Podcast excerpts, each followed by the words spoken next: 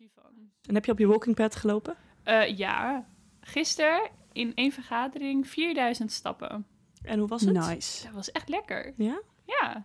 Ik Nice. had voor het eerst 10.000 stappen weer gehaald op een Oh. dag. Dus was het geld waard? Nu Ja, al. was het geld waard. Goed zo.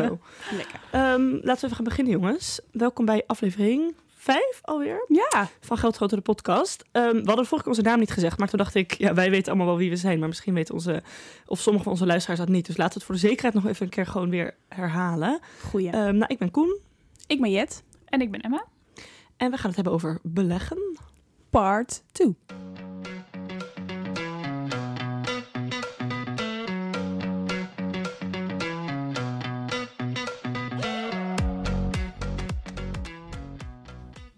Niet de voorbeschouwing, maar de Ja, hoe gaan we de dit noemen? De wedstrijd. helft. De eerste helft. Ja. Nu al zin in de derde helft. Nee, flauw. Ehm, even Die was wel te makkelijk. Ja, die was sorry. Die zat ook al even zo Onder jouw niveau. Ja, nee, nee, grappig. Ik ben grappiger normaal. Ehm, ja, we gaan het weer hebben over beleggen. Als het goed is hebben jullie de vorige aflevering geluisterd. We hebben veel vragen binnengekregen van luisteraars. We moesten kiezen. Ja, niet elke vraag heeft de selectie gehaald. Ehm, maar we hebben het toen gehad over beleggen meer het algemeen. En we gaan nu wat meer de diepte in. Ehm, laten we nog even misschien herhalen, Jet. En maar hoeveel hebben jullie in beleggingen zitten op dit moment? Ehm, ik heb 1200, geloof ik. Of 1500, zoiets. Of ik moet die, nog die, die 300 gaan beleggen of zo. Oh ja, Ja. oké. Oké, ik heb 800. Oké. Ik heb volgens mij ook iets van 1100 of zo. Ik weet het niet zo goed. Maar, Maar in ieder Allemaal geval... een beetje vergelijkbare bedragen. Ja, Ja, 1100 is dus eh, jij en je vriend samen. Ja, hè? samen, ja. ja. Ja, we zitten, volgens mij zitten we alles allemaal in dezelfde regionen ongeveer. Ja, startend. Ja, precies. En als je zegt van eh, hoeveel heb jij in beleggingen zitten, dan heb je natuurlijk echt een onderscheid tussen jouw inleg en het rendement wat je hebt gemaakt. Oh, dat heb ik niet meegerekend. Klopt dat? Moest dat? Nou, weet ik niet, maar ik wilde Ik het eigenlijk als bruggetje wat ik gebruiken. zelf heb Ik wil ingelegd. het eigenlijk gebruiken als bruggetje om uit te leggen wat rendement is. Oh, oké, sorry. Ik, nee, maar ik had Jullie door zitten wat je daar deed. Ik had, ik had door wat je daar deed. En ik wilde Ik dat niet. gaan uitleggen. Zo van, Ja. om daar even in te gaan. Maar eh, Eén tweetje. ja, dat is ongelooflijk. En kun je uitleggen wat het Eén rendement tweetje. is? Gaan we Het gewoon wordt in helemaal een wedstrijd hier. blijven praten. Nou ja, ik had dat eigenlijk niet meegerekend. Omdat eh, dat heb je natuurlijk pas echt als je, je je aandelen verkoopt. Dus ik reken dat nu niet als soort van iets wat ik heb of zo. Ja. Want wat is het dan precies, rendement? Ja, dus dat is eigenlijk als, je, als ik een aandeel koop op ehm 70 euro. En daarna stijgt het bijvoorbeeld omdat ehm, nou ja, soms de belastingwetgeving op iets beter uitpakt of zo. En dat bedrijf meer winst maakt, ik zeg maar wat. Dan kan het aandeel van een bedrijf dus stijgen. En dan kan het 80 euro waard worden. En dan heb jij dus 10 euro rendement gehaald. Ja. Maar dan moet je het wel verkopen, hè?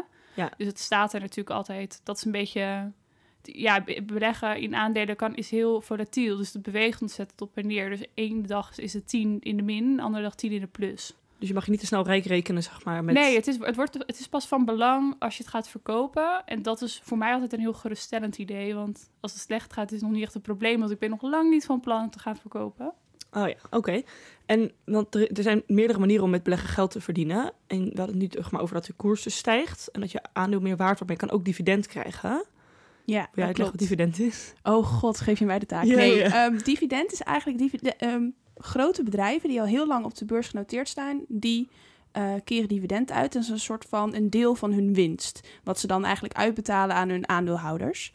Eh, en als je dus een aandeel van dat bedrijf hebt, dan krijg je dus dividend. En ehm, Shell is een heel goed voorbeeld daarvan, van een Nederlands bedrijf wat heel veel dividend uitkeert. Dat tenminste, ze hadden nu in corona ook voor het eerst sinds de Tweede Wereldoorlog of zo, eh, dat ze minder dividenden gingen uitkeren dan daarvoor.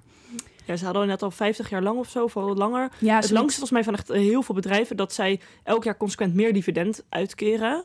Ja. En dat hadden ze dus voor het eerst was dat doorbroken inderdaad. Dus dat was best een groot, eh, groot ding volgens mij. Dat had altijd heel veel zekerheid dat je heel veel dividend ging krijgen daarvan. Ja, precies. Maar en, en het is dus zo dat je gewoon. ehm, het, je hoeft het dus niet het aandeel te verkopen voor je dus je dividend krijgt. Je krijgt het gewoon. Eh, het is volgens mij per kwartaal of zo, of per half jaar. Ja, het verschilt Ja. per Ja. eh, aandeel. Maar dus dividend is in die zin anders van rendement. Dat dividend krijg je iets dat blijft gewoon doorgaan, zeg maar. Ook als het af en toe slecht gaat met een bedrijf. Behalve als ze dan dus besluiten geen dividend meer uit te keren. Maar dat is wel echt een besluit dat genomen wordt, zeg maar. Dat is niet een aandeel. De prijs van een aandeel gaat gewoon mee op de koers. En dat is niet iets wat een bedrijf zelf bepaalt. Nee, Dus dat staat wel los van elkaar. ja, en met dividenden hebben we het niet over echt eh, heel veel procenten, toch? Dat gaat toch echt maar om een heel klein bedrag? Ja. Ik heb de laatste keer 51 cent van iets gehad. Ja, Ja, precies. het is echt weinig. Het is echt, Ja. nou ja, het we zitten natuurlijk ook niet met enorme bedragen zitten. We hebben niet. Nee, eh, precies. Maar het is niet dat je wel 10% rende- eh, dividend per jaar krijgt. zo, nee, dat terwijl je echt kleine bedragen. Ja, want het is wel zo met dividend dat het wat heel veel mensen doen, dat heet compound interest. Dat is dus als je dividend uitgekeerd krijgt en je gaat het opnieuw beleggen, dan krijg je natuurlijk over dat nieuw belegde dividend, dus die 50 cent bijvoorbeeld biljet dan extra, krijg je natuurlijk daarna ook weer meer dividend. Want hoe meer jij van een aandeel hebt, hoe meer dividend je krijgt. En daardoor stapelt dus heel snel al jouw geld op. Dus dan wordt Noemen ze het toch ook het eh, achtste wereldwonder of zo? Ja, Ja. ja, dus dat is dat compound interest. En dat schijnt dat soort van de, de, hoe dat, de heilige graal naar, eh, naar geld verdienen met Ja, het dat is neemt dus eigenlijk- exponentieel toe in plaats van gewoon lineair. Dat Ja. is eigenlijk het idee. Maar het is dus gewoon het geld wat je krijgt, stop je er gelijk weer in. Ja, Dat is het idee. ja. En dat je niet. Maar ik weet natuurlijk dat zijn ook mensen die een soort van ehm, leven van hun dividend later. Snap je wat ik Ja. bedoel? Ja. Dat ze gewoon echt het geld wat ze daarvan ontvangen echt gebruiken om eh, van te leven. Ook met Fire is dat denk ik ook wel. Ja, dat dus mensen er dat zijn doen. mensen inderdaad die al een heel leven lang superveel hebben belegd. En dan op een gegeven moment zit er genoeg in dat je echt best wel flink ja, bedrag aan dividend krijgt. En dan zijn daar dus mensen die daarvan leven, omdat je dan niet afhankelijk bent van hoe de koers staat en wat dus de prijs van jouw aandeel is om het weer te moeten verkopen. Ja. Maar dat is heel erg afhankelijk van wat jij wil en wat jouw situatie is. Er zijn mensen al- die nu al leven van hun dividend, omdat ze helemaal niet het idee hebben ja, dat ze iets met dat geld later nog willen of zo. Dus dat verschilt gewoon heel erg. Je moet er wel echt flink wat aandelen hebben, zeg maar. Als je, je kan niet voor 10.000 euro geïnvesteerd hebben en dan vervolgens van je dividend leven. Nee, het moet wel echt veel gekost Dit- zijn. Maar mensen die natuurlijk FIRE zijn, die hebben wel echt vet veel aandelen. Ja. En die hebben natuurlijk ook vaak hele lage maandlasten, waardoor je met niet, zeg maar, ehm, je hoeft bijvoorbeeld vaak niet meer een hypotheek en zo te betalen, want vaak proberen ze dat ook af te betalen. Wat natuurlijk ook wel zorgt dat je maandlasten veel lager zijn, waardoor je met minder dividend, minder inkomsten ook al gewoon je, je leven kan leiden, volgens mij. Ja, ja, of ze doen dan natuurlijk misschien dat ze eh, deel van de aandelen verkopen en deels leven van dividend. Ja. Ja. Slim. Oké. En eh, we hebben het nu altijd over aandelen, maar wij beleggen eigenlijk helemaal niet in aandelen. In ieder geval niet in losse aandelen. Ik toch? wel. Ik heb Oh één ja. los aandeel. Oh ja, welke heb je ook Oh ja. InBev. Oh ja, Dat is Jubilair valt eronder. Dat is een drankengroothandel uh, InBev. en die steunen Waarom wij heb je die gekozen eigenlijk? Nou, omdat ehm, ik vind het belangrijk dat als ik ergens in beleg, dat ik een beetje snap wat het is. En zeker bij een los aandeel. En eh, natuurlijk, ehm, ik kende InBev omdat onze studentenvereniging had Jupiler. Jupiler. Jupiler. Jupiler. Nee, ehm, en ja, daarom had ik de naam wel eens gehoord en ik wist een beetje hoe het bedrijf in elkaar zat. En eh, ik dacht, het zou maar eens heel goed kunnen dat na deze coronatijd iedereen weer heel hard gaat pilsen. Ja. Dus, Dus- misschien is het handig om nu twee aandeeltjes InBev te kopen. En het is, nou, het is 50 euro per aandeel, dus het is echt niet zo heel veel. Dus ik dacht, misschien is het gewoon een leuk eh uitprobeersel. Dus misschien als wij, dus eigenlijk moeten wij na de coronacrisis heel veel Jupiler gaan drinken en dan Ja. helpen we jou. Helpen we jouw aandeel omhoog? Nou, ik wil wel zo nobel zijn om wel een Jupilertje voor jou te Wel drinken. geinig, want nu, nu doe je natuurlijk heel erg aan, eh aan markttimen. Dat is iets wat natuurlijk met strategieën komen straks nog Ja. wel even is dit markttimen? Ja, ontzettend. Ja, het is wel... Dat jij Nou, het denkt is- van, het dit is gaat toch- omhoog. Je bent het is letterlijk toch- de markt aan het timen. Nee, het is toch gewoon strategisch een aandeel uitzoeken? Ja, maar dat toch is niet- Ja, maar markttimen. strategisch uitzoeken is ook eigenlijk markttimen. Ja, dat is, maar het Nou- is helemaal niet erg. Zeg maar, daar bedoel ik niks Maar mee. dat- Maar meer dat, dat is het. Dat is gewoon heel grappig. Nou, ik snap op zich wel wat het is. Want het is, Jet heeft het, als het iets hoger, als er geen coronacrisis was geweest, had je het misschien ook wel gekocht. Omdat Ja. je het een leuk Ja. aandeel vindt. Maar het komt nu toevallig wel goed uit dat hij misschien wat lager staat, omdat er nu wat minder in de horeca, zeg maar, gebeurt. Dus misschien dat dat wel is, maar ik snap wel wat je bedoelt. Het is wel markttiming. Ja. Ja. Dat is verder niet erg. Daar hangt dus geen waardeoordeel Nou, aan. ik vond maar... het eigenlijk wel een beetje... Ja. Ja, ik vond het best wel hoor je voordelig dus- klinken. Dat markttimen, dat is, dat is volgens mij, dat misschien heb ik dat ook een beetje anders geïnterpreteerd. Maar markttimen schijnt echt, is een beetje bij die, die beleggingsstrategie die wij hebben van lange termijn. Wat we vorige aflevering vertelden. Markttimen is daar echt de, de antichrist, no-go. zeg maar. Dat is echt het- Ja. de, de forbidden word. Het ergste wat je moet doen, kan doen, is de markttimen. Want dat lukt namelijk niemand. Nou, ik dacht meer in de, in de vorm van markttimen, als in je gaat het verkopen of wanneer het hoog of laag staat. Ja, ook. Dus er zijn, zeg maar... Ja, maar jij koopt het dus nu omdat je denkt dat het later ook hoger wordt. Dus dan Maar ben je dus ook maar de dat doe je aan met het- alles? Ja, want zeg, jij koopt toch ook die, eh, jouw ETF's met idee dat ze hoger worden? Ja, ja, dus dat doe je altijd. Maar je, eh, je hebt tot nu toch specifiek van alle losse aandelen die je kon kopen deze gekozen, omdat je dus dacht dat die hoger wordt. Ehm, Ja, waarschijnlijk deels ja, wel en deels ja, omdat je het gewoon Ja, ook wel, ja. een sympathieke, sympathiek aandeel vindt. Ja, Ja, dat, snap- dat snap ik hoor. Maar als, als Ja. je dat echt met die reden hebt gedaan, ben je dus wel de markt aan het timen. Ja. Oké, Ja. maar, maar jij hebt dus een aandeel, of twee aandelen eigenlijk, twee aandelen in Bev. En verder heb je alleen maar ETF's? Ja. En jij, M? Ehm, ik heb alleen maar ETF's. Oh ja. Jij toch ook, Koen? Ja, ik heb alleen maar ETF's. Ja, en ik beleg ook nog beheerd. Even Dus- dus, misschien uitleggen. Oh ja, goeie. Aandeel versus Ja. indexfonds versus ETF. Ja. Ja, een aandeel is dus wat we net eigenlijk zeiden. Eigenlijk is een aandeel gewoon een klein stukje van een bedrijf. Dus dat houdt in dat als het goed gaat met dat bedrijf, dat je aandeel meer waard wordt. Als het slecht gaat met het bedrijf, dat je aandeel minder waard wordt. Ehm, en een ETF, dat heb je net, we hebben net al een paar keer gezegd. Een ETF is eigenlijk eh, dat je van heel veel aandelen een heel klein beetje hebt. Dus in plaats van dat je bijvoorbeeld Jet één aandeel van InBev heeft, hebt, zitten in een ETF wel duizenden hele kleine mini-stukjes van allemaal verschillende aandelen van allemaal verschillende bedrijven.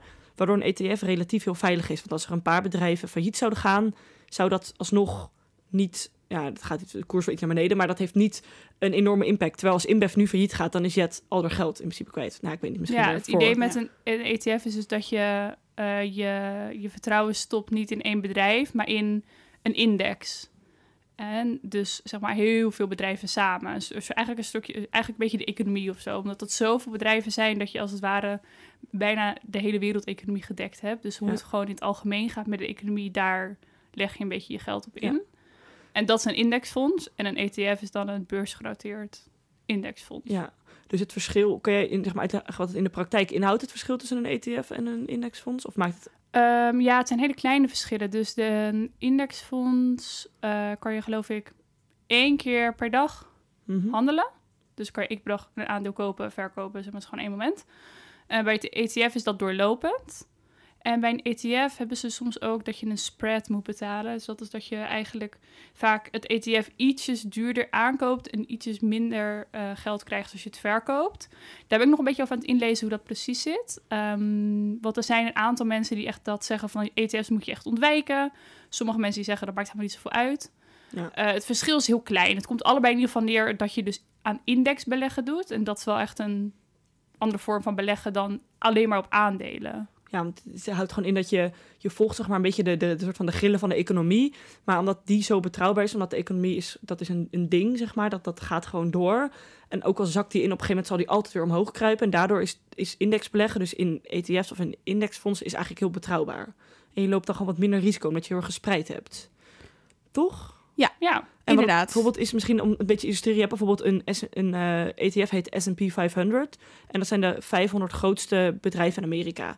Dus als je die, dat ETF hebt, dan heb je bijvoorbeeld eh, delen van Apple, van Amazon, van ehm, nou, noem op alle grootste bedrijven die er zijn. Maar die zitten in heel veel verschillende sectoren, weet je wel, in de, in de zorg, in de gezondheidszorg, in Heel veel tech. heel veel tech zit daarin, maar ook bijvoorbeeld eet, eh, eetdingen volgens mij. Dus daardoor is- het heel erg verspreid. En daardoor, stel dat het een tijdje met de, met de tech, eh, of de tech sector niet zo goed gaat, maar het gaat weer heel goed met de horeca bijvoorbeeld, dan, dan balanceert dat vaak best wel uit. ja. En je hebt dan dus eh, van die grote dingen zoals bijvoorbeeld Apple, een los Apple aandeel is best wel duur. Dus dat is vaak best een hoge drempel om daarin te stappen. Maar zo'n zo'n ETF van de S&P 500 is maar een paar tientjes. Dus dat maakt de drempel ook wat lager. En dan heb je alsnog een beetje van zo'n groot bedrijf... wat jou best wel zekerheid biedt in zo'n in zo'n ETF. Ja, en je Ja. hebt het nu in feite over spreiding in sectoren. Maar je kan ook nog spreiding hebben in allerlei andere dingen. Ja, Ja, Bijvoorbeeld landen. Ja. landen, munteenheid. ja. Ja, Ehm, en spreiding houdt dus in dat je, je, je, je niet al je, je geld inzet op één ding. Dus als Jet zegt, oh, als Jet nu 800 euro in InBev had gezeten, dan had, had ze niet echt gespreid. Want als Nee. we dan met InBev fout zou gaan, zou al Jet's 800 euro weg zijn. Even, dat, zo, dat gebeurt niet, maar even hypothetisch. maar als je 800 euro stopt in zo'n bedrijf, eh, of in zo'n ETF waar 500 dingen in zitten, dan heb je dat natuurlijk verspreid over zoveel dat het bijna niet fout kan gaan, eigenlijk. Ja, want Maar het, het- zeg maar dat, dat wij Jet dus, dat, hoe heet het nou, IBEF? InBev. InBev. Dat kan zeg maar failliet gaan, worst case scenario. En dan is je aandeel zeg maar niks meer waard. Maar het idee van de index is dus of er nou bedrijven failliet gaan of niet, maakt niet uit. Want ze worden gewoon ingeruild voor een ander bedrijf dat dan weer opkomt. Dus je, je, gaat, je koerst echt inderdaad op dat het altijd dan weer beter gaat. Ja. Of zo. Ja, precies. Maar ehm, als je bijvoorbeeld alleen de S&P 500 hebt, Mhm. dan heb je, zit je niet echt gespreid. Zit je wel gespreid over verschillende sectoren, maar dus niet qua landen. Dat Nee. je alleen in Amerika zit. Ja. Dus Ja. dat is wel een. Dus, nou, maar daar kan je mee spelen. Ja. wat je neemt. Ja, maar daar kan je mee spelen. Ja. Je kan ook je kan verschillende aandelen nemen uit allerlei verschillende landen, Ja. allerlei verschillende munteenheden. Heden. Want ik zit bijvoorbeeld ook Alles. in... eh, eh, ik heb heel veel verschillende ETF's. Eh, mijn vriend en ik hebben een soort van het idee... we gaan eerst heel veel verschillende dingen aankopen... en daarna gaan we van al die dingen steeds zeg maar, meer kopen. En wij zitten ook in emerging markets. En ook in BRIC. Dus dat is... Wacht, B- wat zijn emerging markets? Wat valt daaronder? ja, dat zijn opkomende economieën. Dus ik zou nu heel graag nu een lijstje willen geven, maar dat weet ik India echt niet. misschien? Ja, een beetje dus... Nee, dat zit in de BRIC. Oh, De BRIC is Brazilië, Rusland, India... En iets met een C. iets met de C. China? China? Weet ik niet. Zou kunnen? Dat is in ieder geval vier, ook vier. Oh, wat stom. Oké, ik ga Maakt het niet opzoeken. Ehm, maar emerging markets zijn dus gewoon allemaal opkomende economie. Dus zeg Ja. maar niet, weet je, Amerika en dat soort dingen, maar echt economie die opkomen. Ehm oh, BRIC staat voor ehm, Brazilië, Rusland, India en China. Ja, klopt. Ehm, en daar heb ik bijvoorbeeld ook een ETF in. Dus Ja. dat is dus een ETF die volgt dan de 50. Volgens mij is het de 50. Nee, wel meer denk ik. Die volgt in ieder geval heel veel eh, bedrijven binnen die vier landen. En dus dan ben je dus ook een beetje weg van dat je alles in Amerika hebt zitten, of in Noord-Amerika dan. Dus niet alleen in, eh, in zeg maar de Apples en de Amazons, maar dat je ook waarschijnlijk heel veel bedrijven waar je nog nooit van hebt gehoord, Ja. daar ook een stukje En van. Alibaba. Precies, waarschijnlijk wel, grote kans. En bijvoorbeeld ook dus dat emerging markets zijn dus heel veel, volgens mij bijvoorbeeld ook landen in Afrika en zo. Dus echt nog wel opkomende economieën. Maar die staat nu bij mij op min 10%. Dus Oh. Ik zou, als je nu luistert, koop hem. Ja, inderdaad. Had ik dat maar gedaan. Ja. Even kijken, ik ging even opzoeken waar dat in zit. Nou, ik kan het even niet vinden. Oh, eh 13. Nou ja, nee, ik kan het niet vinden. Maar niet zoveel uit ook. Maar in ieder geval, wat jij wilde zeggen over spreiding was dus dat Ja. er heel veel mani- verschillende manieren zijn om te spreiden. We hebben nog één manier niet gehad. En dat is spreiding qua inleggen over tijd. Ja. Maar ik wilde eerst nog vragen, wat is het voordeel Ja. van spreiden? Daarmee verklein je je risico. Ja. Eigenlijk. Maar het is ook wel waarschijnlijk minder rendement. Of niet? Is dat zo? Weet ik Ja, niet. het, het idee niet. bij indexbeleggen is dus dat je ehm, genoegen neemt met een gemiddeld rendement. Een soort van. Dat is wat ze zeggen. En dat mensen die dus actief beleggen, dus even actief is dus passief beleggen. Passief beleggen is dus inderdaad vaak indexfondsen, hè, dus er niet naar Ja, omkijken. dat is zeg maar dat je eens per maand dat wij doen iets inlegt en er volgens niet echt naar kijkt en Nee, niet echt iets mee nee. doet. En actief beleggen is dus echt dat je stockpicking gaat doen. Eh, dus echt uitkiezen welke ga ik kopen. En market timing van wanneer koop ik het en wanneer verkoop ik het. Ja, dus echt mensen die ook dat dagelijks doen en er echt ja, veel tijd in ja steken. en, en veel tijd in steken, inderdaad. Ehm, en die proberen dus eigenlijk, die zitten zo van, nou, ik ben, ik ben niet tevreden met soort van het, het gemiddelde rendement van de index. Ik wil meer behalen. En ik wil zeg maar dat soort van beter presteren. En dan ga je dus echt eh, stockpicking en market timing doen. Ja. Ehm, en dat kan. En heel veel mensen die daar ook echt eh, wel hele goede rendementen mee halen. Het idee is alleen een beetje dat, zeg maar, gemiddeld genomen, de tijd die je daar ook aan kwijt bent en hoeveel kennis je ervan moet hebben, en zo, dat dat niet opweegt tegen het rendement wat je haalt bij de index. Zeg maar, actieve beleggers verslaan eigenlijk nooit de index. En dat is iets wat denk ik veel actieve beleggers echt fel zullen bestrijden. En wat ik dan weer fel kan bestrijden met dat ik daar wel echt in geloof. Ja, er zullen dus, ehm, volgens mij is er iets van 20% of zo die het wel lukt. Die het wel lukt om actief die, die dus zeg maar beter te doen dan het gemiddelde. Maar, dat is klein hoor. Echt, dat zijn echt mensen als Warren Buffett en zo. Daar Ja. ga ik mezelf niet mee vergelijken hoor. Dat zijn Nee. echt van die super eh Ik denk beleggers. niet dat je dat moet gaan ambiëren. Want het Nee, is echt, precies. Nee, nee. En maar je het bent is- er ook dus zoveel tijd aan Ja. kwijt. Dat ik denk van dat is helemaal niet rendabel. Zeg maar, mijn tijd is ook gewoon geld waard. maar als het natuurlijk jouw soort van fulltime baan is om de hele dag achter je computer te zitten en dat te doen, dan. Ja, maar het zelfs dan dus best wel vaak merk je dus dat eh, ze het alsnog niet de index verslaan. Nee. Want wat ik net ook zei, waarom dat ik tegen jou zei, Jet, was dat voor mijn idee is het, en dat weet niet of jullie dat kunnen bevestigen, dat zeg maar hoe meer risico je loopt, hoe meer rendement je ook kan behalen. Maar ook, zeg maar, dus hoe hoger het risico is, hoe groter de kans dat je heel veel geld mee verdient. Net als dat je een heel laag risico loopt, dan zou je over het algemeen lagere rendementen halen. Ja. Over het algemeen. Ja. Maar dat houdt natuurlijk ook in dat je met een hoger risico, kan je natuurlijk ook grotere verliezen leiden, zeg maar. Dus als je alles op ja. één ding inzet, dan wat je wel eens hoort dat mensen zeggen, had ik maar alles op Tesla ingezet of zo. Ja, als je dat inderdaad, of had je maar een bitcoin gekocht, dan had je inderdaad in één keer heel rijk kunnen worden. Maar je had ook, als dat slecht was gegaan, in, één keer alles, kunnen verliezen. Ja. Ja. Maar ja, niet, je verliest natuurlijk niet meer dan je inleg. Dat is misschien goed om even Ja. te zeggen. Nee, dat ja. vragen ook veel mensen. Dus stel jij go- gooit 50 euro aan bitcoin. Ik weet niet of dat ooit, ooit kon. Eh, en, en zeg maar, die, eh, die gaat echt heel slecht of zo. Dan verlies je niet meer dan je 50 euro. Nee, je kan gewoon op nul uitkomen, maar niet op een minbedrag. Je Nee, niet op een minbedrag. Dus het is in die zin ook dat wij denk ik altijd beleggen met iets eh, wat we kunnen missen. Omdat als het dan weg is, dan is het niet zo van ik kom de maand niet meer door. Maar kunnen jullie het geld echt missen wat jullie beleggen? Als in, ik kan het wel missen, maar ik zou wel flink zuur zijn als het weg zou zijn. Ja, tuurlijk. Want je Ja. legt gewoon geld in. Je, wilt niet, je wil het niet kwijt. Nee. Nee, klopt. Maar ik reken, maar dat, dat is voor mij, maar ik reken het dus niet bij het deel van mijn vermogen wat besteedbaar is. Nee, precies. Dus het is natuurlijk heel zuur dat het verliest, omdat ik wel zo op zit te wachten dat het over 20 jaar wel wat wordt. Ehm, Maar voor nu heb je niet nodig. Nee, nee, in de aankomende tien jaar niet. Nee, want Nee. dat is wel net het idee. Geld dat je de komende tien jaar nodig hebt, dat moet je niet, in een, dat moet je niet gaan beleggen. Nee, want het idee is dus dat stel het gaat wel heel slecht met de economie. Dat komt dan, kan dan soms wel tien jaar duren totdat die beter wordt, zeg maar. De economie weer aantrekt. Ehm, dat je dus daar dat kan uitzitten. Ja. Dat je dus kan wachten totdat je aandelen weer meer waard zijn dan waar je voor je had gekocht. En dus niet genoodzaakt bent om te verkopen. Dus niet als je over vijf jaar een huis wil kopen en de markt staat dan net heel laag, dat je dan je aandelen moet verkopen om je huis te kunnen kopen. Maar daardoor gewoon heel, eigenlijk heel veel verlies hebt. Dat je dan dus nog de luxe hebt om vijf of tien of vijftien jaar te wachten tot hij weer... Of luxe, ja. Dus, dus je- Exact. heb je gewoon op gerekend dan. Dat, dat hij dan dus weer stijgt en dat je dan dus meer geld overhoudt ja, uiteindelijk. ja. Nice. En we hebben het nu het over wat wij beleggen, maar we, wij beleggen bij een broker alle drie. En niet een, bij een bank. een broker is een soort van fancy woord voor, ik weet eigenlijk niet hoe ik het uitleggen, een soort tussenpartij denk ik of zo. Dat is Ja. gewoon een soort, een soort organisatie die niet echt een bank is, maar die, waar jij gewoon op een soort dashboard kan jij gewoon daar je geld zien en dat uitgeven. Nou, er zit wel vaak een bank achter een broker. Ja, dat toch? moet wel. Ja. Omdat Want- je een soort van... Er staat natuurlijk geld op en er moet natuurlijk een soort Ja. van veilig staan. Dus Ja. daar zijn voor bepaalde... ehm, ja, ja, want je bent ook voor eh, vanuit de Europese Unie. gegaran- eh, hoe noem je dat? Die garantie, die 20k deposito volgens mij. ja, dat is wat je op je bankrekening ook hebt. Hè, is het tot een ton. Dat is wat je op je beleggersrekening hebt staan tot 20.000 euro's. Dat dus is dat is je beleggingen vergoed. en wat je erin hebt. Wat je Ja. op je rekening hebt staan, maar nog niet hebt belegd. Wacht, Dat- wat is daarmee? Dus eh, net zoals op je spaarrekening, je bankrekening bij je bank, gewoon je, je geld, zeg maar. Ja? Is tot een ton vergoed als zeg maar die bank omvalt.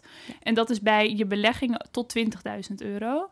En dat is dus en je aandelen en wat je dus nog... Ik heb bijvoorbeeld dus nog 300 euro op mijn beleggersrekening staan... wat ik nog moet gaan beleggen. Dat valt daar allemaal samen onder, zeg maar. Ja. Maar dat is alleen als bij ons, wij beleggen dan bij de, onze broker heet de Giro, waar we alle drie bij zitten. Ja. Als die failliet gaat, dan krijgen we dat geld. Maar het is niet zoals onze aandelen instorten dat we dan tot 20.000 euro voor goed krijgen. Het is nee, echt alleen nee. als Nee. zeg maar, nee, maar niet dat er een soort van misstand over staat. Het is echt alleen als dus die broker, dus bij ons dan heet dat de Giro, dat dat failliet gaat. Dan zijn we daartegen verzekerd eigenlijk. Ja. Van, Maar 20.000 euro is natuurlijk nu heel veel. Maar daar kom je op, op zich snel aan, denk ik. Is in ieder geval mijn doel wel. ja. En Ja. dan eh, is het wel, ja, dan moet je even kijken. Dus er zijn ook wel mensen die dus bij meerdere brokers of banken zitten, zodat ze om en nabij die 20.000 zitten. Mocht er één omvallen, dat je altijd. Slim wel. Oh dat, ja, eh, dat is wel ja. slim. Ja, Want Ja. de Giro's waar wij bij zitten, en dat is denk ik een hele laagdrempelige en vooral best een goedkope optie ook. Maar wat, weet je nog wat meer opties die er zijn? eh, Bink. Ja, en Meesman heb je volgens mij. Ja. Verder. Ja, bij, bij dan ga je Ja, denk ik echt naar... grootbanken, links. banken. Met een X is dat?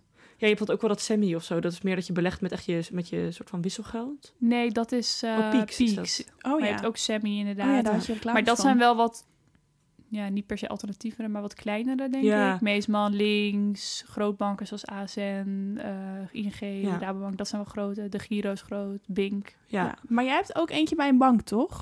klopt. Ik heb eh, toen ik begon met beleggen, maar begin, toen heb bij, ik bankier al bij A- ASN. En toen dachten we, oh, dat ook wel het duurzame aspect daarvan sprak ons ook wel aan. Dus toen hebben wij eh, nu vijf keer 50 euro daarin gelegd. Heeft ASN dan ook alleen maar eh, duurzame aandelen indexfonds of dat niet? Volgens mij wel.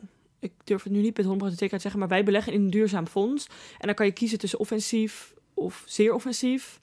En of defensief, zeer defensief of neutraal. En wij dachten, nou, dat weet je wel. En dan houdt het dus weer wat we al eerder zeiden: hoe offensiever je gaat, hoe, hoe meer rendement je kan halen, maar ook hoe meer risico je loopt. En wij hebben volgens mij offensief, of misschien zelfs zeer offensief. En daar hebben we nu van de 250 euro ingelegd. En hebben we nu al 20 euro. We staat op 270 euro, dus al 20 euro. Dat is best een prima. Als je dat in percentage omrekent, is dat best een goede score. Alleen het nadeel is bij banken dat dat vaak relatief iets duurder is. Omdat eh, ik geef mijn geld aan ASN. En zij hebben daarvoor in zo'n zeer offensief pakket... hebben zij allemaal aandelen uitgezocht. En daar betaal je natuurlijk voor. Want dat is gewoon service die zij bieden. Is het niet En- een beheerd fonds? Ja, dan? het is beheerd, ja. Oké. En daar betaal je gewoon voor. Want jij betaalt gewoon mensen om dat eigenlijk voor jou te doen. En bij de Giro doe je dat eigenlijk een beetje zelf. zeg Ja, dus even Ja. zeg maar, beheerd fonds is dus inderdaad dat er iemand bij ASN eh, letterlijk dit samenstelt voor Koen. Ja, die is gewoon aan het werk. Ja, die Ja. doet dit. En ehm, nou, niet beheerd. Dus dat zijn heel vaak indexfondsen. Die volgen dus gewoon de index. En daar zit dus niemand tussen die dat zeg maar uitkiest. En daardoor zijn de kosten heel laag. Ja. Ja, en dat is ook-. Het voordeel ook wel, er is best wel vaak ook een beetje kritiek of wat huiverigheid over beheer beleggen, omdat dus de transactiekosten wel echt wat hoger zijn. Je betaalt best wel wat servicekosten. Maar het is voor andere mensen, wat voor ons toen fijn was, omdat het gewoon een hele laagdrempelige manier was om te beginnen. En het gaat allemaal automatisch. Wij, er wordt automatisch 50 euro van onze rekening overgemaakt en het wordt automatisch gewoon belegd en we hoeven daar niks voor te doen.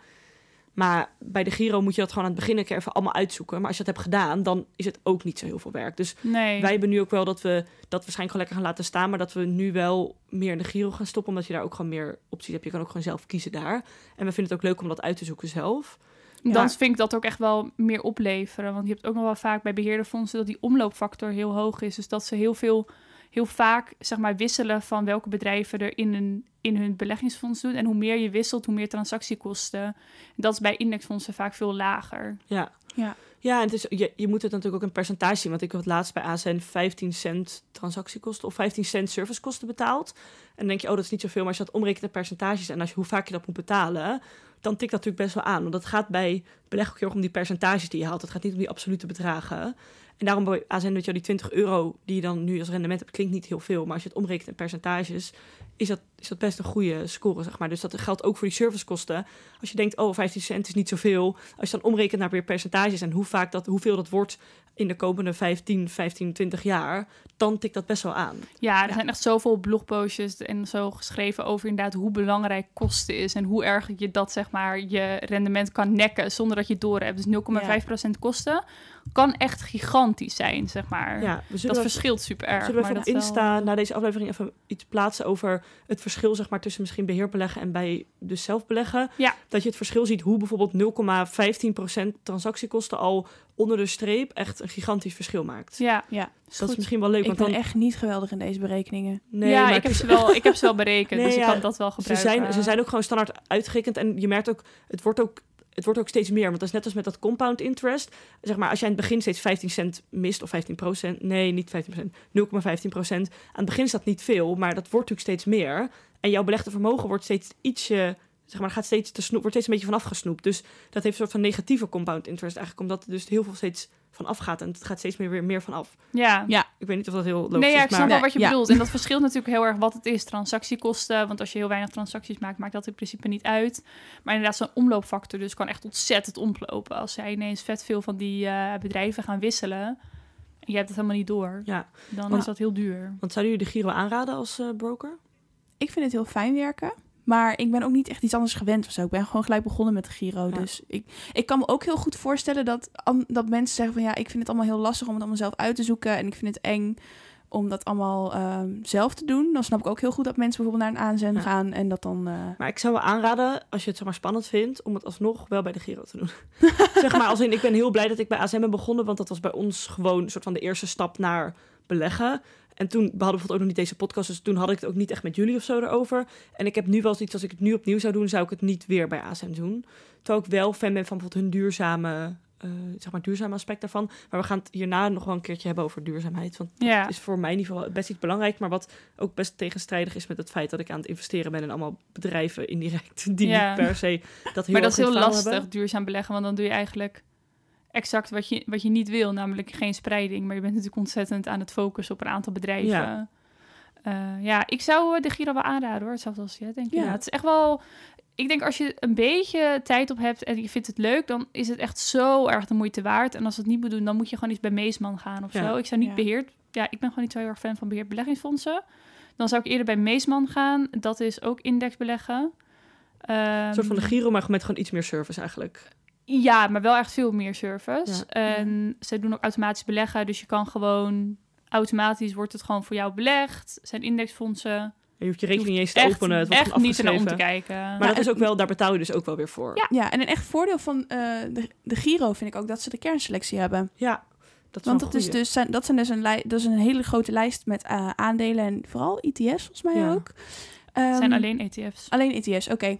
Waarvoor Nee, wacht, dus- ze hebben verschillende kernselecties voor verschillende groepen effecten. Dus ze hebben ook kernselectie voor aandelen, volgens mij. Ah, oké. Ja. Maar wij, wij, kijken, wij kijken volgens mij alleen maar naar de ETF's. Ja, ik kijk alleen naar de ETF's. ja, en dat dan. houdt in dat je die eens per maand mag kopen of verhandelen zonder dat het geld kost. Jouw Zonder geld kost, zonder transactiekosten. transactiekosten. Ja, en dat is heel chill, want ehm, wij tenminste, ik koop in het begin, heb ik alleen maar voor 100 euro per maand dingen aangekocht. En dan zijn natuurlijk, als je maar voor 100 euro dingen aankoopt, zijn je transactiekosten eh, Ja, als je dan 2,50 zou moeten betalen, zou heel zuur zijn. percentueel natuurlijk heel veel. Ja. En ehm, daarom is die kernselectie heel chill. Dat je gewoon heel goedkoop met he- heel laag Ja. bedrag kan proberen. Ja. Ja, en ook juist dus heel erg voor de passieve beleggers zoals wij. Want actieve beleggers die, nou, die kopen misschien wel, weet ik veel hoe vaak in de maand iets aan. Maar wij zelden. Liever, liever minder dan meer, zeg Ja. maar. Ehm, en dan is het dus helemaal daarvoor goed geschikt. Ja, en ik denk ook wel wat we net zeiden over de Giro, van dat het moeilijk is. Je kan gewoon gratis een rekening openen, dus dat kan je gewoon altijd proberen. Je moet best wel veel gegevens inleveren, maar dat is omdat ze dus jouw geld beheren. En dan moeten ze gewoon volgens de wetgeving. Ik vond dat echt nog wel te doen trouwens. Ja, maar dat je scan van je paspoort en zo moet in Ja, je BSN. dat is en, waar. Ja, eh, maar dat is ook met, met een bank. Ja, daarom. Dus het is logisch. Dus want ja. dat is ook alleen maar ook dus omdat het dus geeft aan dat het gewoon goed gefixt is. En dat zij zich voldoen aan bepaalde eisen. Ehm, en zelfs als je gewoon die rekening zo van gratis opent. En je koopt gewoon eens per maand één ETF uit de kernselectie. Bijvoorbeeld zo'n zo'n eh, S&P 500. Dan, zeg maar dat is echt heel makkelijk. En zelfs dan zit je al best wel gespreid. Heb je een, nou niet, ja natuurlijk wij alleen in Amerika. Maar je zit relatief veilig. Dus dat, geeft, dat is al best een goede optie, zeg maar. En dat is Ja. echt heel makkelijk. Dus Ja. zelfs dat, daar kan je ook altijd beginnen. En dan kan je altijd daarna soort van verder gaan met zoeken van... oh, wil ik verschillende ETF's kopen? Want sommige mensen kopen gewoon maar één ETF gewoon hun hele leven lang. En andere mensen, zoals ik vind het heel leuk om dat helemaal gaan uit te zoeken. Ja. Ja, We zullen ook op Instagram dus eh, zetten welke ETF's en welke aandelen wij hebben. want Ja, dat is een in hoeveel zitten jullie? In hoeveel? Ja, hoeveel Oh. ETF's hebben jullie? Eén. Eén? Eén. Oh mijn god. Oh, wow. Ik heb er drie en dan één los aandeel. Oh ja. ja, ik heb volgens mij echt 15 of 20 of zo. Ja, ik zag Ja, jou gewoon echt scrollen door je lijst er echt iets. maar ja, wij hebben dus bijvoorbeeld dingen ook... eh, bijvoorbeeld iets van, weet je wel, zo'n zo'n emerging market is bijvoorbeeld ook maar 15 euro of zo. Dus daar kopen we er dan drie van. En dat is 45 euro.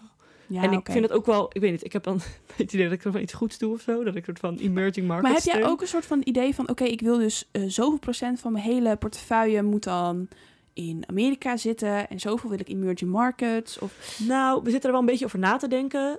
Maar we hadden nu zoiets van willen eerst gewoon over het algemeen bepaald, zeg maar, dat ze allemaal enigszins vergelijkbaar staan. Of in verhouding staan van hoeveel ze waard zijn en hoeveel wij ervan kopen. Ja. Bijvoorbeeld, stel dat eentje is 80 euro en de andere is 15 euro. Dan willen we van die van 15 er een paar kopen dat het enigszins op hetzelfde niveau is.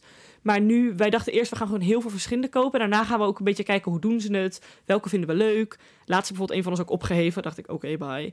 Dus toen moesten we die opeens, kregen we dat geld gewoon weer terug op onze rekening. En dan moesten we het dus weer in iets nieuws stoppen. Maar ook welke vinden we leuk? Ja, precies. Wat, waar voelt het, wat voelt goed? En we hadden bijvoorbeeld laatst, hebben, dat hebben jullie volgens mij ook, of jij in ieder geval, ook waterstof-ETF. Ja, de waterstof Dus in de hydrogen. ja. Met het idee van, eh, dat is de toekomst, weet je wel. Ja, Ja. het slaat natuurlijk helemaal nergens, nou, het slaat niet nergens op, maar dan ga je dus eigenlijk ook een beetje markt uit. Maar het is ook wel, ik Maar het is ook wel leuk om met een heel klein deel Ja, van je ding te doen. Maar ik denk dus dat je er niet moet verwachten dat daar ineens zieke rendementen mee worden nee, dat je gehaald. opeens 30, 45, Ja, 50 procent gaat. Nee, maar eh, daarom, Nee. daarom vraag ik dat. Omdat ik zelf heb ik bijvoorbeeld een overgrote merendeel van mijn eh, geld heb ik in de eh, All World ETF zitten. Dit zijn Ja. dus een ETF wat over de hele wereld bedrijven Ja. volgt. En ehm, echt maar een heel klein percentage dus in bijvoorbeeld hydrogen en InBev en zo. Dus Ja. Maar dat is ook leuk, denk ik. Als je, ik vind dat ook. Ik wil dat ook wel doen, denk ik. Maar dat is leuk om te doen. En dus ook leuk om te doen als je beseft dat dat dus niet een zieke rendement hoeft te halen moet, ja. dat voor moet niet je zekerheidje zijn. Nee, zeg het moet inderdaad niet je zekerheid zijn. En dan is Ja. het ook helemaal prima. Dat is ook best geinig om te doen. Net een beetje alsof je naar een gokhal gaat, toch? Ja. Ja, dat is ook prima. Maar wat jij net zei, Em, van je moet niet heel hoog rendement verwachten. Wat is zeg maar bij een ETF een gemiddeld rendement? Ja, zou ik eigenlijk niet weten. Ik denk dat het heel erg verschilt. Ik had het idee dat dat bijvoorbeeld iets van 6% of zo, dat Ja. dat een beetje een soort van veilige... oh ja, dat heb ik ook wel eens gehoord trouwens. Want dat zeg maar ook bijvoorbeeld mensen die dan fire willen worden, die gaan dan ook uit van volgens mij 6% min, minimaal volgens mij. Ja, maar daar is volgens mij dan wel inflatie en zo af. Dus dat verschilt soms een beetje hoe ze dat eh, berekenen. Maar klopt, ja. En wat je nu bijvoorbeeld hoort, dat mensen die, weet je, iemand die ooit een bitcoin heeft gekocht voor 1000 euro, en bitcoin is nu 30.000 euro waard. Dat hoor je nu best wel veel verhalen, ook over bepaalde crypto, van die munten dus. Dat dat echt keer, keer eh, 16 keer over de kop gaat. Dat is zeg maar niet normaal. nee. Dus dat is heel erg. Crypto is in die zin heel interessant omdat er geen plafond aan is. Ja, Ja. En dat is bij beleggen wel anders. Er Ja. zit nee, niet echt een plafond aan, zo van duidelijk, het kan niet duidelijk meer dan 100 worden of zo. Dat is niet afgesproken, maar dat gebeurt gewoon niet. ja. Nee. Nee, en wat het ook wel is bij, ehm, zeg maar, als je bijvoorbeeld 5% klinkt als best weinig. Als je denkt, oh, 5% per jaar met mijn ETF of 6 of 7, weet je, dan denk je, poeh, dat is niet zoveel. Maar als je rekent wat weer 5% zeg maar jaar op jaar op jaar is, en elke keer weer 5% zeg maar weer meer over die 5% die het jaar daarvoor erbij hebt gekregen, dan gaat het dus best wel oplopen. Maar het is wel echt een lange adem, moet je Daarom hebben. is eh Tijd je beste vriend. Ja. Ja. ja, en daarom moet je dus ook niet elke dag op die app gaan kijken. Wat ik dus wel doe, omdat ik mijn Instagram heb verwijderd en ik me dus verveel. En dan ga ik ook weer kijken, kijken wat hij doet. Ja, dan kijk je wat hij doet. Ja, Ja, En dus- er is echt geen pijl op te trekken. Nee, het staat echt nergens op. Soms sta je één dag opeens min 10. En dan sta je de dag daarna opeens op, op weer zeg maar, Ja. min 10 euro bedoel ik. En dan daarna opeens weer op plus 5. En dan denk ik, hoe? En ik denk dan ook echt van, oh, oh ja, maar ik ga het echt nog 30 jaar niet verkopen. En dan zie ik zo van, nou, leuk, we hebben even gekeken. Gisteren of zo stond het opeens Ja. mijn ding min 13. Toen dacht ik, Ja. oh my god, Oh ja, 13 ik euro weg. nog kopen. zag dus ik was best wel blij. Ik was er van, oh, ja, ik nu wat kopen? er dan? nu kopen? Wat was er een gebeurd? artikel. Ja, oh, ik heb tegen mijn vriend gezegd dat ik het heb gelezen. Dat had geappt, maar ik heb het niet gelezen. Ja, had te Oh. maken met dat, ja, het had te maken met dat, dat er iets was met de Europese markt. Oh, dat was namelijk de titel van het artikel. Maar ik vind het dus ook heel chill aan onze manier van beleggen. Nou, oké, mijn manier van beleggen. Dat ik dus ook echt. Het maakt me helemaal niet uit. Nee. Zeg maar, ik ben ook niet geïnteresseerd in waarom dat dan zo is. Ik vind het, het is wel van belang als ik het ga verkopen. En alles wat Ja, ertussen gebeurt, wel, maar maakt ik me vind niet zo het uit. ook wel een soort van interessant, zeg maar, om te, eh, te begrijpen waar het vandaan komt. Ja, dat Nou, is waar hoor. Het is wel leuk inderdaad. Maar het is niet, als ik het niet begrijp, zit ik niet zo van, wat is er gebeurd? dus ik zo van, Nee, ah, precies. best, laat maar zitten. Nou, ik heb wel eens bijvoorbeeld iets wat in mijn, de Giro-app dan, wat ik dat zie gebeuren en dat ik vervolgens dan lees op, weet ik veel, NOS, waarom dat dan gebeurt, dan vind ik dat wel leuk. Zo van, oh, wacht, dat heeft met dit te Je zit maken. midden in de actie, hè? Ja, precies. Dan voel je echt alsof je gewoon deel van dat bedrijf ja. bent. Ja. En eh, Ja. ehm, wat, voor, wat is het minimale bedrag wat je kan beleggen bij de Giro? Volgens mij is het niet echt een minimumbedrag. Nee. Nee, er is geen minimum. Volgens mij moet je dus bij... Oh, ik weet niet meer waar dat was. Misschien is het dan Meesman. Eh, dat je 10.000 moet inleggen in het begin. Maar dit moet Ja, iemand of- even factchecken, dan- hoor. Ja, en de 10.000. Of dat je bijvoorbeeld een paar jaar lang gemiddeld een- de 100 euro per maand of zo, Ja. of 150, maar dat moet je dan echt beloven dat je dat Ja, maandenlang doet of zo. ik eh, weet niet zeker of dit zo Nee. is bij Meesman. Check het zelf. Maar dat verschilt inderdaad. Bij de meeste is dat niet zo, Volgens hoor. mij bij de Giro niet. Maar het is natuurlijk Nee, wel bij de zo Giro niet. dat ETF's en aandelen he- hebben gewoon een bepaalde prijs. Ja, dus als Dus- iets 80 euro is, dan kan je niet 20 euro zeg maar inleggen. Ja, Ik dat heb- is dus het verschil tussen indexfondsen en ETF's. Dus ETF's koop je inderdaad, is vaste prijs en dat koop je dan. En indexfonds kan je gewoon voor 200 euro kopen, omdat je ook Oh. delen van Oh, aandelen, zeg maar, kan kopen. Oké. Dus dat doe je bijvoorbeeld bij Meesman. Dan kan je zeggen, ik heb elke maand 200 euro over. Want die doen in indexfondsen, dus niet ETF's. Ja. En dan kan je dus gewoon 200 euro kopen. Ja. Oh, eh, ik heb nu inderdaad ook bijvoorbeeld 20 euro in mijn vrije ruimte staan, omdat ik die nog niet... Ja, ik heb dat ook heel vaak Ja. inderdaad. Ja, dat is ook nog een verschil. ja, je kan bijvoorbeeld wel, bij de Giro heb je dus echt al ETF's van 15 euro. Ja, de hydrogen is bijvoorbeeld 8 euro. Ja, dus je kan echt, zeg maar, je kan echt met een paar tientjes gaan beginnen. En als je ook helemaal niet, het is niet dat je meteen 50 of 100 euro per maand moet inleggen. Ik, sommige mensen vinden dat heel weinig, maar wij, eh, we've been there, we weten dat dat best wat kan zijn in een maand. Nog steeds nu trouwens hoor. Dus eh, je hoeft niet meteen echt met eh, bedragen met meerdere nullen zeg maar in te leggen. Je kan ook gewoon best wel klein beginnen. Ook om gewoon te zien van, oh, wat als ik gewoon voor, voor drie tientjes iets koop, wat doet dat? Vind ik het leuk om dat te volgen? Vind ik het kut als het naar beneden gaat? Of, Ja, of heb ik de wel? neiging om te verkopen als het naar beneden gaat? Ja, want dat moet je dus niet doen. Niet doen. Zo lang mogelijk Slechtste fout die je kan maken. Dus dat is wel, dat kan ik ook wel aanraden. Van, je hoeft zeg maar, zo'n rekening is gewoon gratis. Dus je kan het gewoon proberen om te kijken hoe het bevalt. En misschien dat je het echt super leuk vindt, misschien dat je geen reet aan vindt. Dat mag ook. Ja. Ja. Ik vind het wel een mooie wijsheid om een soort van mee af te sluiten. Ja, precies. Dat lijkt me een goed idee. En wij gaan dus op onze Insta zetten waar wij zelf in zitten. Ja. Ja. En dat is geen financieel advies. Dat is gewoon wat wij doen. Ja. Wat wij leuk vinden. En eh, laat je vooral inspireren, maar ga niet eh, daar echt keuze op baseren. Nee. Gebruik het gewoon Kijk als een leuk zelf. uitgangspunt om, eh, om Ja. verder te, te scrollen. Ehm, en wat nog één ding wilde zeggen over de Giro... is dat als je op verschillende beurzen belegt... dat je best wel veel extra kosten moet betalen. Oh ja, ja. Dus dat is voor een beginner wel goed. Je hebt bijvoorbeeld de AEX. eh, en de je- Nederlandse beurs. de Nederlandse beurs. En als je gewoon alle dingen koopt die op de Nederlandse beurs verhandeld worden... dan hoef je geen extra kosten te Ja, betalen. je betaalt zeg maar aansluitkosten om te mogen handelen op die beurs. Ja, Dat is het eigenlijk. ja, dus zeg maar... Ja, is 2,50 per jaar per beurs, hè? Ja, ligt eraan welke beurs. Want Oh ik ja, sommige zijn duurder. Ik zit die, ehm, wat is het?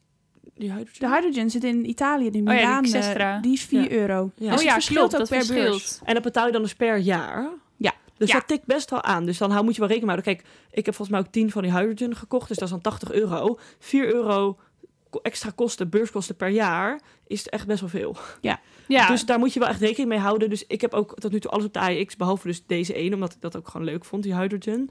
Maar hou er dus wel rekening mee dat je dus niet op allemaal verschillende beurzen gaat kopen. Want zo'n S&P 500 wordt ook op meerdere beurzen verhandeld. Het is niet dat je die maar op één beurs kan kopen.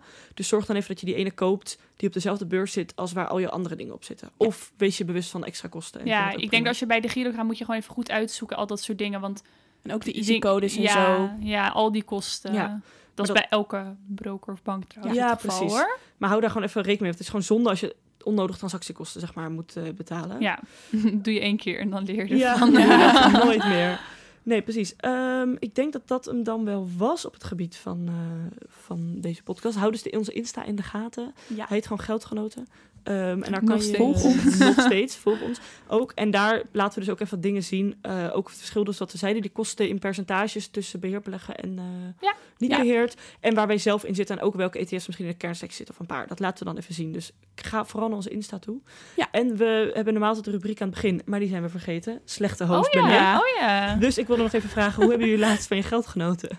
Eh, oh ja, ik zat op de fiets, op mijn nieuwe fiets. En, Oh ja. Hoe is die? Ja, heel leuk. En nee, hij fietst heel, eh, heel chill. Mag hopen. voor Maar toen kwam mijn broek tussen de spaken. Eh, Toen heb ik Oh. de nieuwe broek meteen op Vinted weer gekocht. Ja, ik was zo van, hij kost echt 10 euro. Ik ga hier dan ook niet verdrietig om zijn dat hij stuk is. Ik, ik koop hem gewoon nieuw. En, En heb je eh, ervan geleerd? Ga je nu voortaan zo'n ding om je, om je ja, ik broekspijp was doen? dus helemaal zo met een, met een elastiekje zo mijn, mijn broekspijpen zo vast. Ik was naar Alphen gefietst, dus dat was ook echt super lang Oh, onderweg. nice. Ik kwam ook echt midden in the middle of nowhere in een weiland, dus tot stilstand tot ik vast zat. Oh, my zonde. Ja, maar ja, heb ook met Nieuw zo'n jumpsuit gehad, inderdaad. Echt zonde. Een hele mooie wijde pijp. En dan ja dat is zo zonde. Ik had vroeger altijd zo'n leraar op de middelbare school die dan kwam aanfietsen Met van die, met van die, nee, van die postbode elastieken dan om zijn benen. Oh, omdat dat is echt een goeie, dat Ja. ga ik ook doen. Je hebt, je hebt Ja. er speciale houders voor. Je hebt speciale broek bij elkaar binding. Of je komt Oh, ook gewoon wat? als je... Dus die ga ik dat gewoon een keer kopen. Dan kan ik zeggen dat ik van mijn geld genoten Ja. heb, omdat ik dat heb gekocht. Ja, wel echt degelijk. We hebben sowieso alle drie. Ik zie wat we hebben. We hebben alle drie echt degelijke dingen. Maar Jij ja, hallo, alles is Degelijk. dicht. Hoezo Ik degelijk? doen dat hebt- niet Ik degelijk staan, was? Nieuwe broek, regenjas, zonnebril op sterk. Dus ja, we hebben al vrij degelijke dingen. Zit je nou te spoilen? Ja, die heb ik nog gespoild. Jij hebt je regenjas gekocht. Ja, ja nee, ik had, ik had willen zeggen, oh, ik heb een fles wijn op het terras gekocht, maar dat kan nog niet. Nee, Nee, oh, ik, maar... eh, Oh. Oh, Dan gaan we week. inhef. Dan gaan we dat jubileum Oh, ja. doen. Een koude jup. Ja, misschien gaat hij nu al omhoog. Ja, nee, leuk nee, zijn, het is wereldwijd. In, in Ja. Is het wereldwijd. Nee, niet alleen Maar hoe, Nederland. duur, hoe duur was jouw jas? Ja, nee, ik heb een hele mooie eh knalgele eh regio. Ja, hij is echt Hij leuk. hangt hier Ik achter zie je naar achter kijken, maar dan hoor je niet. Ja, dan hoor je niet. Ik moet even een soort van eh, naar achter wijzen.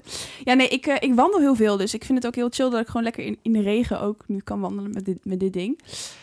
En eh, ja, hij was best wel duur. Was 200 euro. Oh, dat vind ik ook wel duur. Welk Oh ja, merk vind is ik duur. En dat is ja, Raven, Fjell ja. Raven. Nou, Ja. Dan snap ik het Maar wel. ik dacht, Heb je ook al de scanken? Of hoe heet die basic rugzak die jij hebt? En volgens mij heel veel andere Oh, mensen. wat? Of heb jij die niet? oh, ja, nee, die mag, Waar word ik hiervan nee, beschuldigd? die ik mag zie ik hem niet. daar eh, Die heb ik niet. Nee, die standaard rugzak, die zeg maar die Ja, ik weet welke je bedoelt. Ja, nee, Sommige die mag niet standaard dingen van zijn gewoon heel leuk. Ja, is prima. Wij zitten ook allebei met dezelfde De North Face, Borealis. Dus, hmm.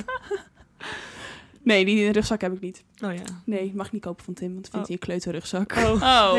Met je geen Want, regenjas. nee, maar ik, en want ik wilde dan een leuk kleurtje, weet je wel, oranje of zo, of Ja. rood of zo. Nou, dat mag niet. Oh. Nou, niet dat eh, Tim zegt wat ik moet eh, Oh, mag nou, je kopen, wel of niet. Nee, Ja. nee. nee. Zo, maar je eh, heel blij met, eh, met de regenjas. Nice, Ja. goed zo. En Koen, de zonnebril op sterkte. Ja, ik heb een zonnebril op sterkte gekocht. Nou, ik had een zonnebril op sterkte, maar die is op een niet naar te bepalen locatie in mijn huis. En ik miste even echt, kwijt. zodra de zonnestralen kwamen, ik weet niet, ik, ja, ik mis dat gewoon. Ik kon er gewoon echt niet tegen dat ik geen zonnebril op sterkte had. Toen heb Ja, ik dat dus bij. No Spon, maar bij Charlie Temple een zonnebril op sterkte gekocht. 29 euro. Echt een topding. Oh, Echt, ja. ik zie je Wat geinig, dat scherp. dat ook zo chill is En je kan dan. helemaal naar je cilinder doen en je pupilafstand en helemaal leuk. Hoe kan dat zo goedkoop zijn? Nou, die moet dus wel zelf al het recept hebben van de opticien. Oh, dus ik heb gewoon voor mijn normale bril de, gewoon dat gebruikt. En eh, zij, halen, zij hoeven dat dus zelf niet te... Die, die, dat berekenen hoeven ze allemaal niet te doen. Maar je ja, op zich hebben best wel veel mensen toch gewoon al hun Ja, recept. ja, precies. Ja, is dit een ding? zo, Noem je dat zo? En je kan het anders ook gewoon, als je een bril hebt bij een opticien, kan je altijd daar ook gewoon naar vragen. Want dat zit gewoon volgens mij bij je brilprijs dan dus inbegrepen. Maar zij hoeven dat dus niet te berekenen. Dus daardoor ja. hoeven zij alleen maar... Het is allemaal ook allemaal online. Dus je hoeft alleen maar gewoon Maar ik kan me voorstellen dat die glazen maken heel duur was nog. Ja, blijkbaar dus niet. Nee. Nou, ik weet niet, maar in ieder geval, Ah. ik eh, ben er echt super blij mee. Echt elke euro waard. Chill. Dus eh, nu hoop dat ik hem niet kwijt raak. Elke 29 euro. 29 euro. Nou, ik heb nu wel nagedacht, oh, zou ik dan nog één en een ander model? Dan denk ik, nee. dus is mijn Het zonnebril. is genoeg. Nou, dus je moet genoeg. alleen nog even de zon gaan schijnen. Zo, dat zou wel leuk Nou, zijn. dat was vandaag wel. Nou, het was een lekker weer Ja, dan. Ja, oké. Top jongens, dat was hem dan eh, weer. En de volgende aflevering gaan we het ook nog over beleg hebben. Maar dan gaan we het meer hebben over dingen als duurzaamheid en wat meer dingen eromheen. Dus als je vragen hebt Crypto's? daarover, Ehm, we, hebben onze, we hebben onze vraag van de fans helemaal niet eh, Nee. behandeld. Oh, Volgende het keer. gaat Die echt- komen de volgende volgende keer. keer. De volgende doen we één aflevering met al onze fanvragen. Ja, dus heb je een vraag? We droppen Stel een hem. vraagsticker in onze story. Het moment dat Oh we deze ja, oh podcast eh, los... eh, Gaan we even promoten. Loslaten. loslaten. Ja, we willen het uploaden. Dus stel al je vragen, want we zullen jullie aan de hand meenemen in eh, het avontuur wat beleggen heet. En eh zou ik zeggen, tot de volgende keer. Doei. Tot de volgende.